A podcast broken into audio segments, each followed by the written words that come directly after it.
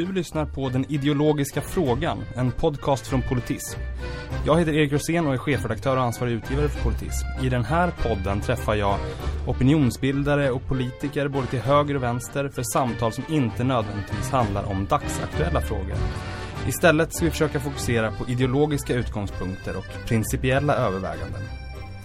Idag har jag med mig Göran Tärborn, sociolog som tidigare varit vid Cambridge bland annat eh, och som just nu är aktuell med en ny bok som heter Kapitalet, överheten och alla vi andra. Och jag börjar med att fråga dig Göran, samma fråga som alla i den här podden får först. Hur beskriver du själv vart du står ideologiskt? Jag är eh, engagerad för jämlikhet i eh, alla dimensioner. Och eh, jag är också väldigt eh, internationellt orienterad. övertygad antiimperialist och, och eh, internationalist kan man väl säga. Så jämlikhet eh, och internationalism och antiimperialism mm. sammanfattar väl ungefär var jag står. Du har skrivit om och studerat klass eh, och eh, jämlikhet på olika sätt i över 40 år. Under stora delar av 2000-talet har klassfrågan och klassanalysen haft en väldigt liten plats i det svenska politiska samtalet. Men nu diskuteras den mer och mer igen av de politiska partierna. Vad tror du det är som har gjort att den äntligen får ta plats igen? Ja, klassmotsättningarna eh, Eh, och klassklyftorna har ju skärpts och fördjupats.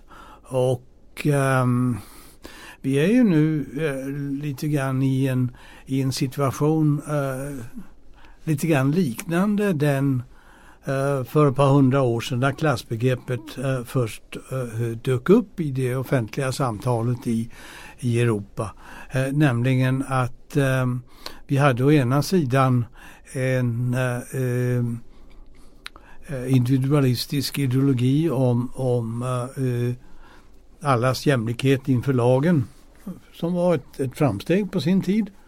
Eh, men samtidigt en växande eh, eh industrikapitalism och med den ökade ekonomiska och sociala klyftor. Det var i spänningen mellan den här eh, liberala ideologin och den ekonomiskt sociala verkligheten som klassbegreppet först började eh, dyka upp i Frankrike och Tyskland mm. eh, strax efter franska revolutionen. Och um, vi har en lite grann liknande situation idag. Så där uh, vi har eller hade uh, en, en sorts nyliberal predikan om, om, valfrihet och individuella möjligheter och å andra sidan en, en, eh, en systemisk realitet utav ökade klyftor och sociala eh, problem. Eh, och det är i, i, den spänningen tror jag som, som eh, eh klassbegreppet så småningom nu börjar bana sig väg in i den svenska eh, samhällsdebatten. Men det är fortfarande segt alltså. Vi märker ju mm. det i i, i det här uh, valet. Alltså i, um, redan i, vin, i vintras så, så var det ju sex partier som var överens om att invandringen var det allra största samhällsproblemet i Sverige. Mm -hmm.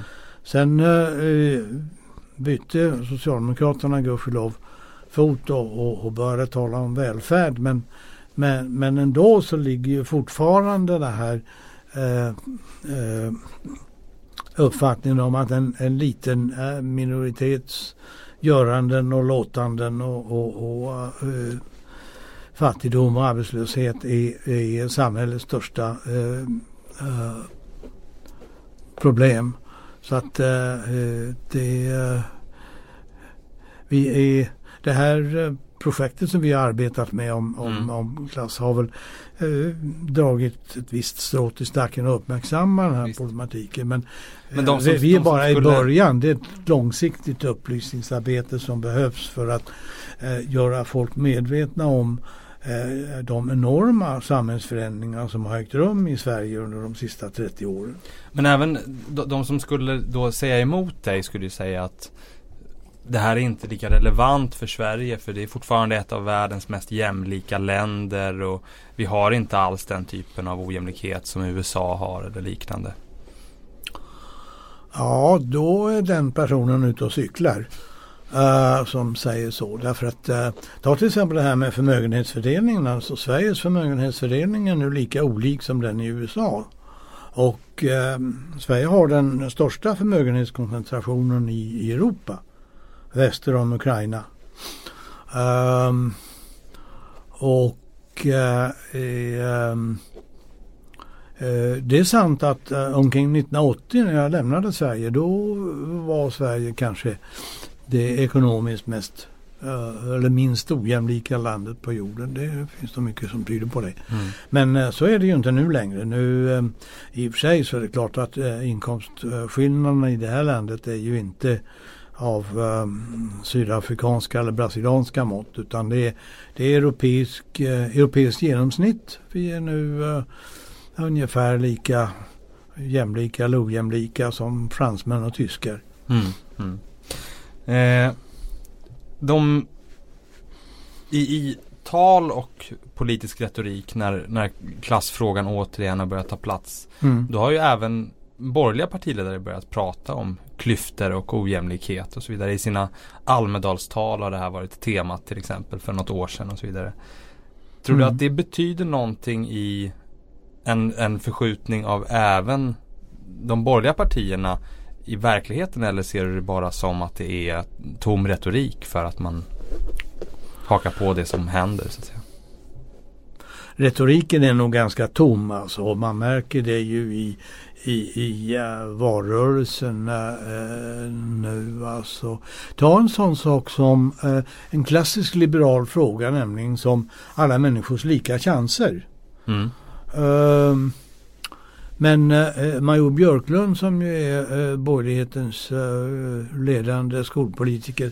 Eh, han talar ju aldrig om det som ett problem alltså att under hans eh, inflytande tid skolväsendet så, så har eh, den del av skolbetygen som bestäms utav, inte utav eleverna utan utav föräldrarnas klassbakgrund har ökat från 16 till 24 procent ungefär. Alltså.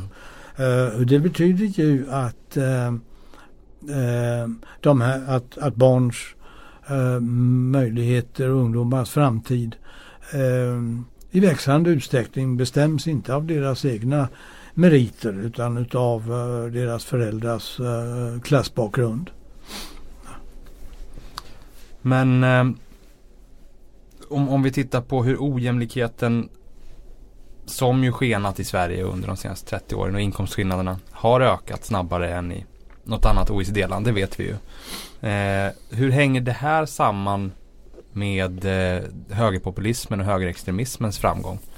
Är det helt förenat eller är det bara delvis överlappande som du ser det?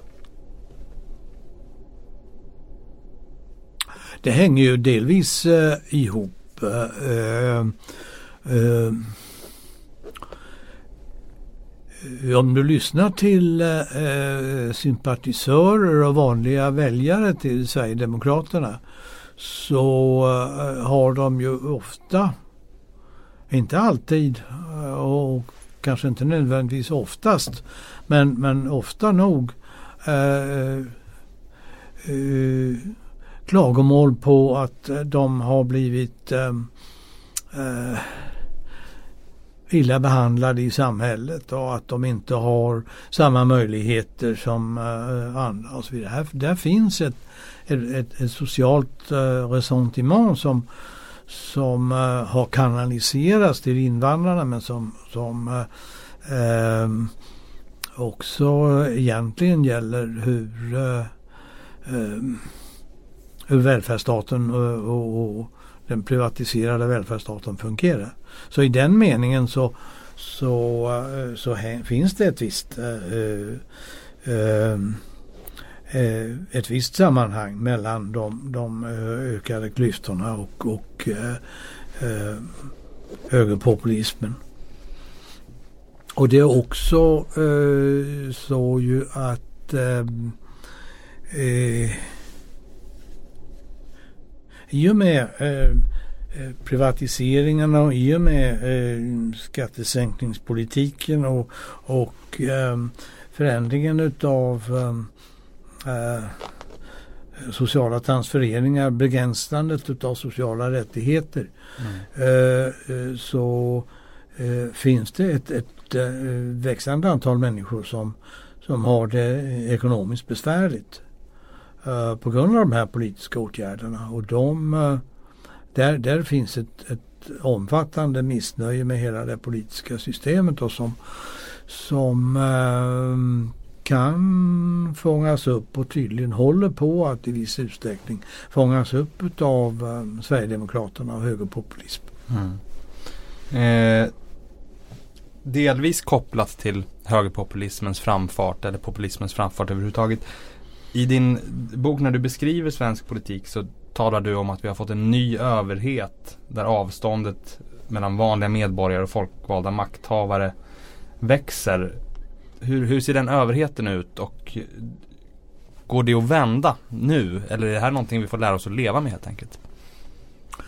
Nej, det ska väl kunna gå att vända, det, det tror jag. Men eh, det är ju många eh, Många faktorer kommer in där. Dels är det det, det politiska systemets egen förändring, alltså partiernas sjunkande medlemstal och medlemsengagemang och, och politiken blir eh, allt mer än ett, eh, ett specialiserat yrke och, och där alltså politikerna eh, lever i en en egen värld omgivna av lobbyister av olika slag och pressekreterare och sakkunniga och speciella rådgivare och kommunikationschefer och gud vet allt vad det heter. Um, men är inte det, här, inte det här nödvändigt då? Finns det inte en poäng med att politiken professionaliseras? Jo, det, eh, det, den delen är nog alltså uh, uh, svår att, att uh, att komma åt. Men, men eh, eh, eh, det går ju att, att skaka om det politiska systemet genom folkliga uppror så att säga. Mm. Det har inte lyckats hittills men, men, men, det har hänt i andra länder och kan tänkas. Jag menar ta bara en sån sak som att uh, en majoritet av borgerliga väljare är emot kapitaliseringen av välfärden. Mm. Uh, men uh, ingen borgerlig politiker alltså kan ju ens resonera om det som ett problem. För de är så helt uh, inkapslade utav lobbyismen. Mm. Men där skulle man mycket väl kunna tänka sig alltså att ett liberalt folkligt uppror alltså mot den här blindheten.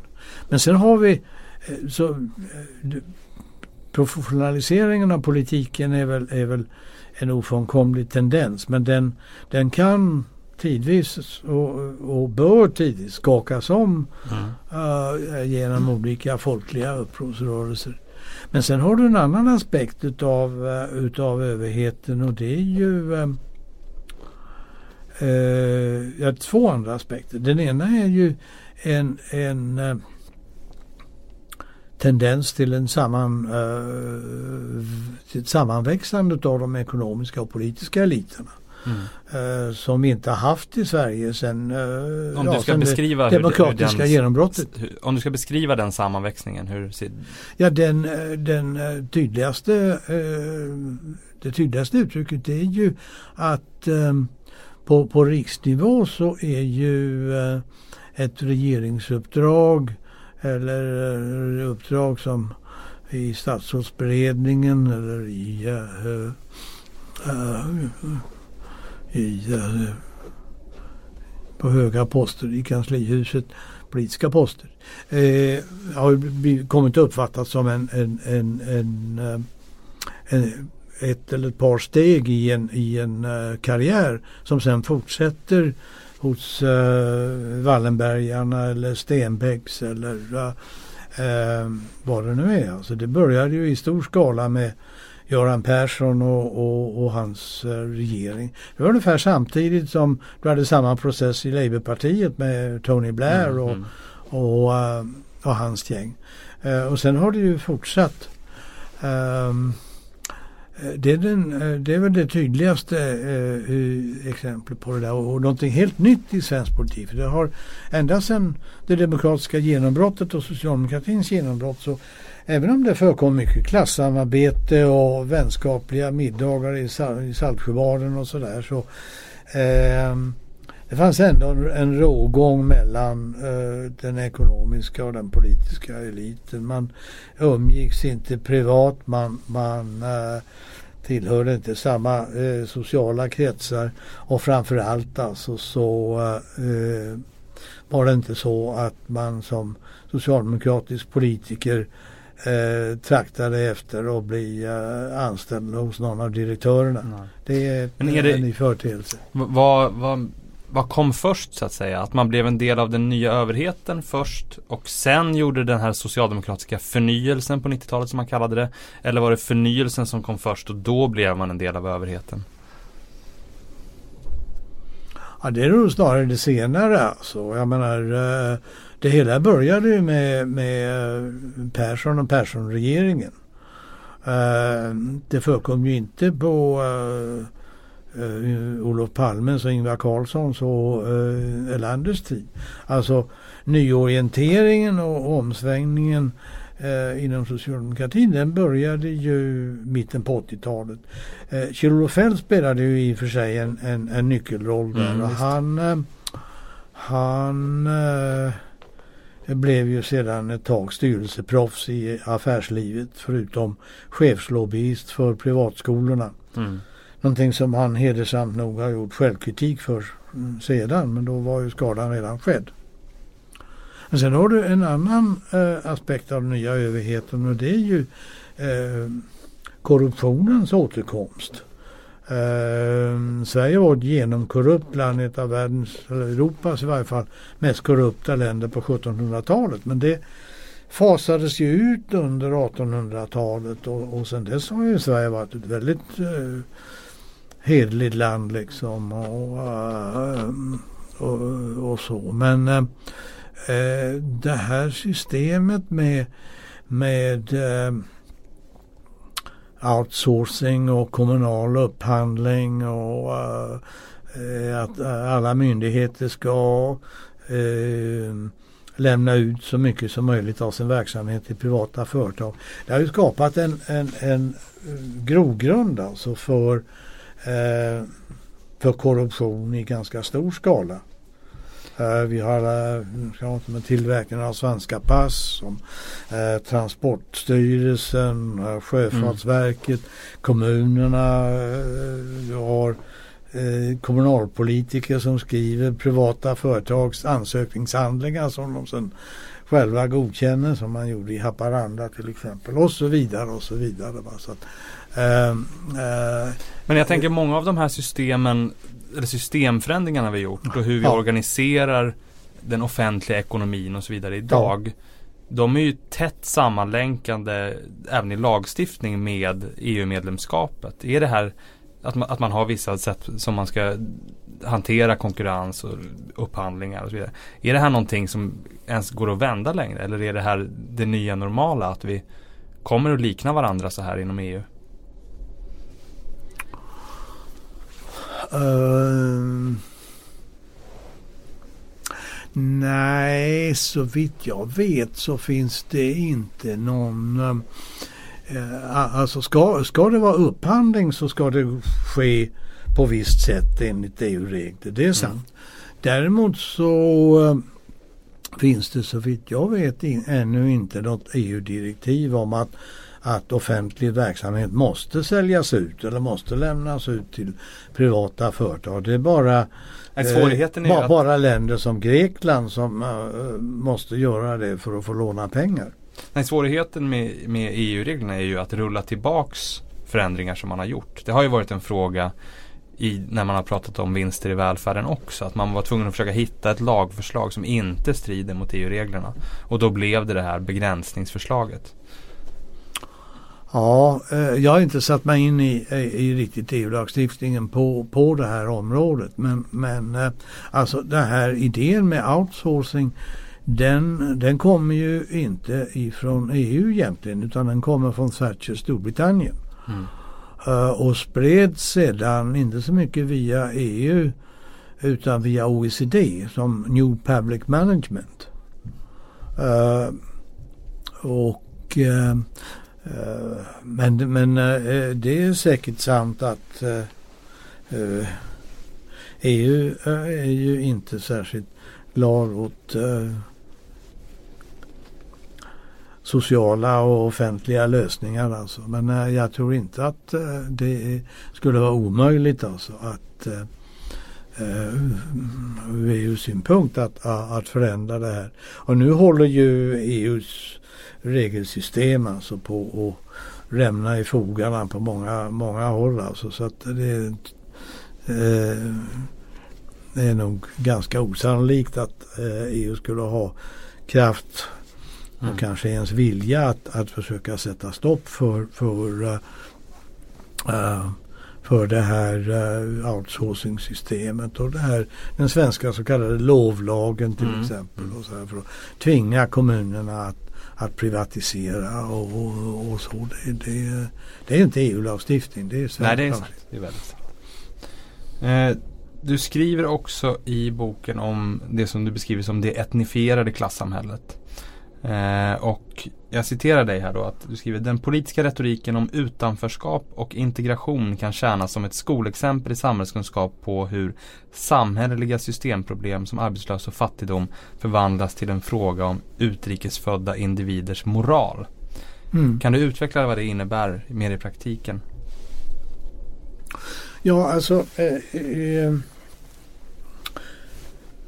före, eh, före 1933 och, och eh, krisuppgörelsen och, och eh, inledningen utav eh, folkhemsbygget så var ju eh, den borgerliga, förhärskande borgerliga uppfattningen att eh, arbetslösheten beror på de arbetslösa själva. Och eh, för de är eh, lata och vill inte arbeta och det enda man kan göra det är att sänka lönerna eh, ytterligare alltså till eh, att eh, helt enkelt eh, göra det omöjligt att, för dem att överleva om de inte accepterar de här lönerna. Den här eh, tanken den, den försvann ju sen under, under den, under den fulla, fulla sysselsättningens politik och som, som ju eh, så småningom först så småningom men sen till slut alltså borgare och socialdemokrater och kommunister var eh, överens om och som märktes ju i den sysselsättningspolitik som fördes av regeringen Fälldin eh, på, eh, på 70-talet. Ehm, men nu så eh, är ju de här tankegångarna tillbaka att eh, eh, eh Eh, det är, eh, det är invandrarna det är fel på. De är inte tillräckligt integrerade. De är inte tillräckligt assimilerade. De har underliga kulturer och eh, eh underliga språk och så vidare. Eh, och eh, de måste därför eh, hanteras eh, på ett, på ett speciellt sätt. Alltså. Och Eh, Eh, frågor som arbetslöshet och, och, och, fattigdom det är en, en fråga om eh, ett, ett litet antal bostadsområden som eh, eh har pekats ut av eh, borgerliga politiker. Alltså som, det, är en sorts etnifiering och gettofiering utav, utav klassamhället istället för att dra fram de de mera grundläggande problemen om arbetslöshet, om prekariatet och, och uh, osäkerheten på arbetsmarknaden. Uh, den stora ökningen utav visstidsanställningar, tillfälligt anställda, uh, anställda i bemanningsföretag och anställda på digitala plattformar och, och så. jag I'm Ryan Reynolds. På Midmobile vill vi like to do opposite of vad Big Wireless gör. De you dig mycket we charge you a little. So naturally, when they announced they'd be raising their prices due to inflation, we decided to deflate our prices due to not hating you. That's right. We're cutting the price of Mint Unlimited from $30 a month to just $15 a month. Give it a try at mintmobile.com slash switch. $45 upfront for three months plus taxes and fees. Promo rate for new customers for limited time. Unlimited more than 40 gigabytes per month. Slows. Full terms at mintmobile.com. Vidare. Mm. Ja, det- där hör man ju Numera hör man ju inte ens Varken Socialdemokraterna eller Vänsterpartiet tala så mycket om rätten till arbete Utan man pratar om skyldigheten att Ja, arbeta ja, ja just, just Är det. det Det, är på det? väldigt, eh, det är väldigt betecknande för hur alltså det hela, hela det, den politiska bilden har, har, har vänt. Alltså från, från eh, att samhället ska eh, ge eh, eh, medborgarna rättigheter och, och se till att de rättigheterna uppfylls till att eh, eh, de, eh, de fattiga får skylla sig själva om de har hamnat där de har hamnat. Alltså. Och samtidigt kan man väl också lägga till då att Medan vi då privatiserar så mycket annat eh, så pågår det nästan en process där man socialiserar lönekostnaderna för de här grupperna. Eh, Där allt då ska subventioneras Alltså det ska ska vara subventionerade anställningar som staten betalar. Eller så ska man till exempel ställa krav på att den som får socialbidrag arbetar upp till heltid För att få socialbidraget. Ja visst alltså eh, det här med valfrihet det gäller ju inte. Det gäller på sin höjd infödingar men inte invandrare. De ska inte de ska egentligen inte eh, få välja att bo var de vill bo. Eh, de får inte välja vilket sätt de ska hälsa på. De, får inte, de bör inte heller egentligen ha rätt och, och, och fullt rätt åtminstone att välja vilka kläder de vill ha på sig. Ehm, och så vidare. Alltså där, eh, där gäller ju ingen valfrihet längre. Nej. Eh, du, du pekar också då förstås på en rad politiska förändringar som har gett kapitalet mer makt, som ökat klasskillnader, eh, som gjort att ojämlikheten växer även under socialdemokratiskt ledda regeringar.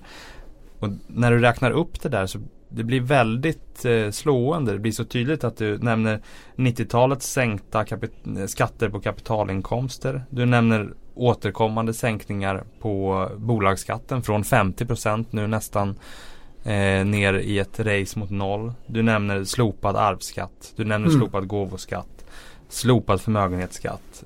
Och naturligtvis alla eh, skattesänkningar på eh, arbetsinkomst och så vidare. Eh, hur, hur har det här kunnat ske eh, i ett land som för det mesta leds av socialdemokrater? Ja, det eh, Jag var ju eh, mycket utomlands då och äh, jag är inte Äh, Alltså det Äh, att Socialdemokraterna kunde vara med och, och avskaffa arvs och förmögenhetsskatt är ju eh, gåtfullt alltså. Och, eh, ja, liberaler med för den delen. Alltså. Menar, nu är det så ju att eh, för ett par veckor sedan så, så eh, hade den mycket liberala klassiskt liberala eh, veckotidningen The Economist en, Mm. ett specialnummer om eh, skattesystemet och tyckte att det var eh, bisarrt att medan eh, inkomstskillnaderna ökar i Europa så minskar progressionen i skattesystemet Mm. och spär på det ytterligare.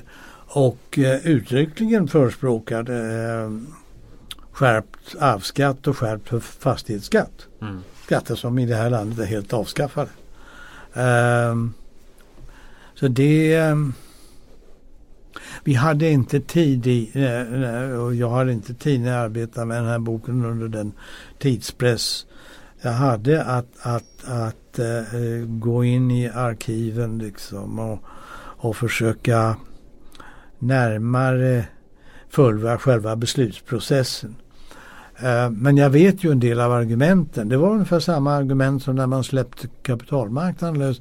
Att, ja, men det betyder inte så mycket. Och det, ehm, eh, eh, eh, det, det, det, kommer in så lite skatt i alla fall. Alltså på arvsskatt och förmögenheter. Och, och dessutom så så blir det, eh, smiter folk från skatten och, och, och det där. Men alltså det, det, det är vi, vi klarar inte av att och, och, det, det, det, var ett argument alltså att vi mm. kan Men inte, vi, vi kan inte ett, ha en, en, en, en fungerande arvs och förmögenhetsskatt. Vi klarar inte av det och därför är det lika bra att avskaffa den.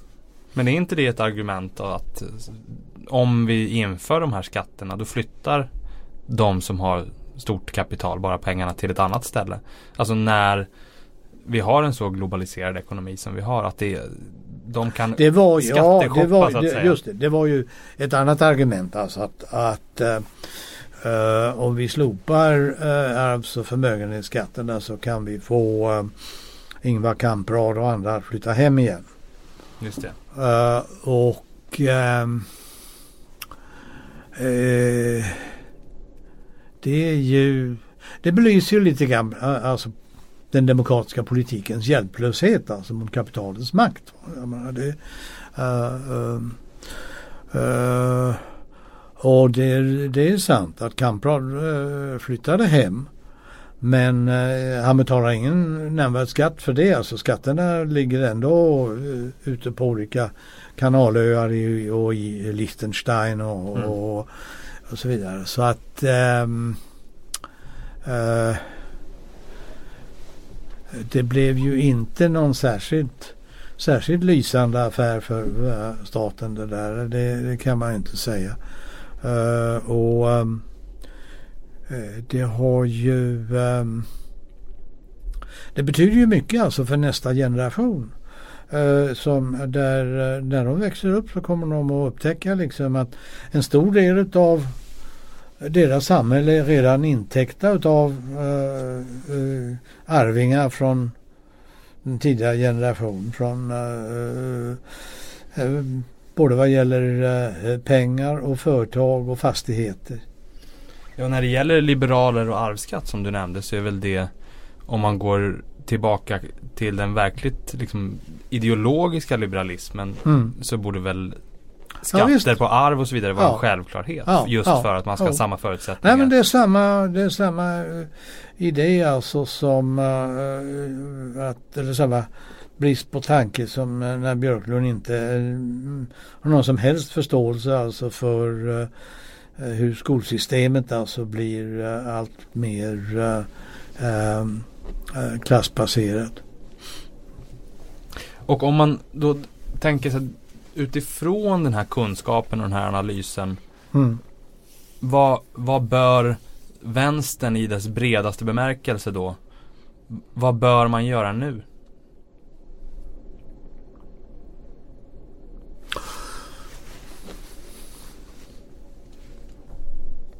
Det viktigaste det är ju att fortsätta att driva det här upplysningsarbetet om vad är det för samhälle vi lever i. Uh, hur mycket har det förändrats? Att göra folk medvetna om att hela efterkrigstidens ekonomiska utjämning har utraderats. Mm. Att uh, uh, vi har inte haft en sån ansamling av privat förmögenhet i förhållande till det bruttonationalprodukten alltså sedan 1810. Uh, ehm, och att uh, skillnaden, inkomstgapet mellan medelklassen den kväll, mellan medelklassen och den rikaste tusendelen i, i uh, den svenska befolkningen är ungefär som mellan uh, den engelska aristokratin och den engelska medelklassen år 1688. Mm. Det är nästan Det låter så brutalt så att det är svårt tror jag för många att tro att det kan vara så. Nej just det, det är därför som det är viktigt att eh, upplysa folk om det. Mm. Det är så. För det handlar ju väldigt mycket om att man måste också vinna eh, kampen om vad som är viktigt att fokusera Ja, på. ja någonstans. just det. Du nämner ju till exempel Kampen om, om, om bilden av vad som är. Det, det är liksom den, den första och viktigaste eh, ideologiska eh, kampen. Sen kommer eh, diskussioner om vad som är gott och vad som är möjligt. Men, först och främst vad, vad som är. Ja, och där är det ju så att eh, det har varit så många intressenter som har eh, varit intresserade av att dölja allt det här. Mm. Ja, men ett, ett exempel där är ju att om du är inne på det i, i boken också att även om man accepterar de högt räknade kostnaderna för invandringen så är Ja. det mycket, mycket mindre än vad skattefusket kostar. Mm. Eh, och det är en sån sak som jag själv har skrivit jättemånga texter om. Men medan allt som rör invandring engagerar enormt många så väcker ju skattefusket nästan ingen ilska alls. Nej, Eller nej. det kanske det gör men det väcker inte samma nej, engagemang. nej, nej. Eh, och där har man ju där har man en uppförsbacke så att säga. Ja, jo. Jo då, vi har en stor uppförsbacke. Eh, eh, vi som vill upplysa om hur samhället eh, eh, ser ut. Eh, det, det är alldeles uppenbart. Och en naturligtvis grundläggande anledning till det är att eh, eh under 2000-talet så har eh, eh, reallönerna i landet eh, eh, stigit kontinuerligt. Inte särskilt mycket men och mycket mer för de allra rikaste än för de andra. Liksom. Eh, eh, det har ökat exakt dubbelt så mycket för den rikaste tiondelen som för medelsvensson. Eh, medianinkomsten. Men, men ändå, eh, eh, medelsvensson har, har också fått ökade inkomster. Och det, i, i, i, i den situationen så, så är det svårt att, att, att ta till sig eh, de här bilderna om samhället som jag talar om. Eh, dels därför att man, man, eh, man ser dem inte, det är liksom abstrakta siffror. För många liksom eh, och, och det, ena och det andra är ju att eh, många av de här effekterna de är inte synliga förrän på längre sikt. Mm. Som den här förmögenhetsfördelningen som kommer att, att bestämma nästa generations barn och ungdomar och deras begränsade möjligheter eller skolpolitiken till exempel. Ehm, och det är också en annan sak alltså gapet i ehm, medellivslängd mellan eh, olika klasser ökar ju kontinuerligt. Men det är ingenting som, som någon egentligen eh, observerar. Eller så upplever man det som självklarheter som inte går att förändra bara eller? Ja, kanske man gör. Men jag, jag skulle nog tro att väldigt många är, är inte medvetna om det. Mm. Nej, Ja, men jag har ju märkt, jag upplever eh, ibland att jag det finns en resignation också. Att man känner att ja, men så är det bara. Som att det vore av, Ja. av Gud givet nästan. Jo då, det kan väl finnas de som tycker det också. Eh, jag tänker du, du är också inne på app-ekonomin i boken eller gig-ekonomin Ja. som växer fram. Eh, vad är det du ser som det största hotet i den utvecklingen? Det är ju en eh, eh,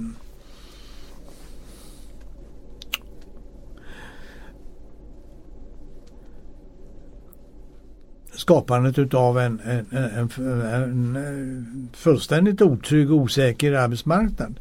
Eh, där eh, eh, du har eh, ett stort antal människor som är så kallade eh, egen, egenanställda. Mm.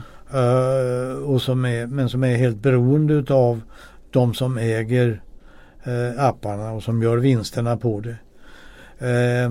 Det, det är de är, eller kommer att bli alltså i, i större utsträckning i en situation som påminner om den som finns i tredje världen. Alltså de, de här eh, eh, som kör ut eh, matkassar och Mm. paket och eller äh, kör Uber eller vad de nu gör. Alltså, de, de, de flesta av dem de lever ungefär som äh, gatuförsäljarna i tredje världen. Mm.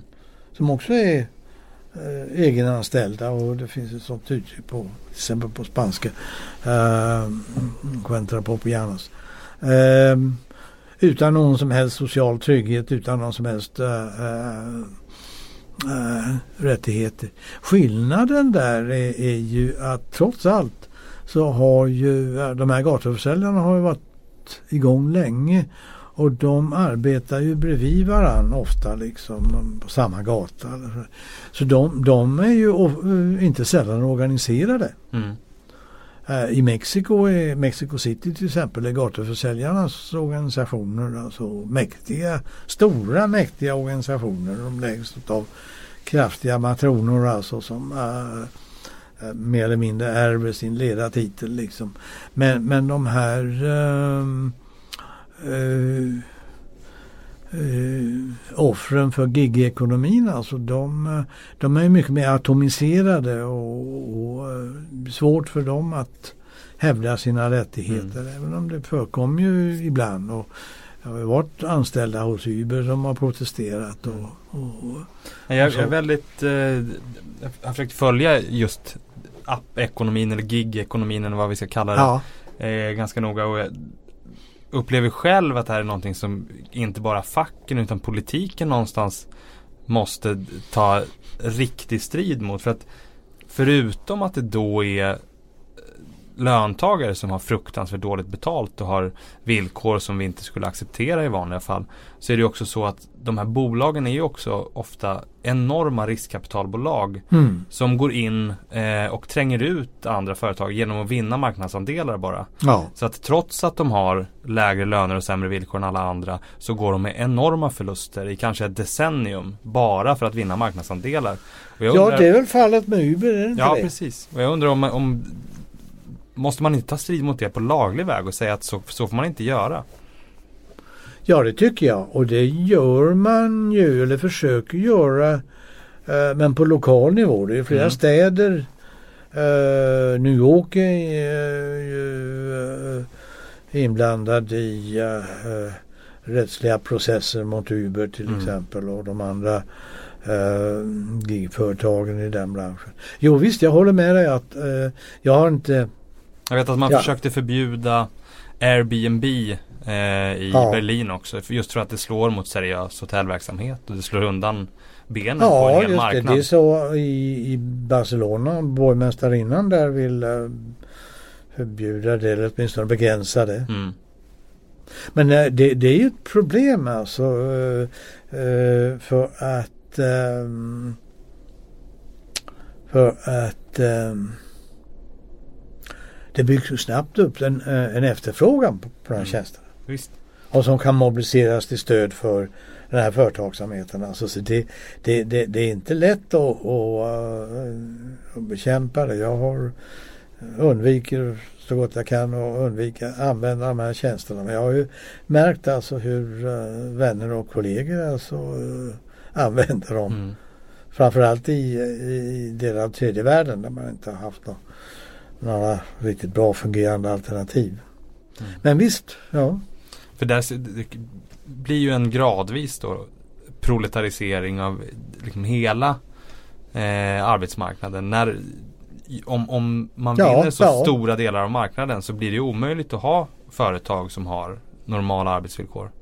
Ja just det, jo, det blir en, en, en prekarisering av hela arbetsmarknaden. Det blir en, en, en sorts tredje världen-utveckling alltså. Mm. Liknande den så kallade informella sektorn i Indien och Brasilien och så vidare. Visst. Det är ett allvarligt problem. Jag tänker jag ska fråga om en del som, som jag inte hittar i din bok. Ja. Eh, och det är ju klimatfrågan. Ja. Och eh, å ena sidan kan jag förstå att man inte kan adressera alla delar och man kan inte eh, ta in klimatfrågan i eh, allting. Men, men är inte den, förutom att den är så akut aktuell, är den inte också den överlägset bästa motorn för att stöpa om samhällsekonomin till någonting mer rättvist?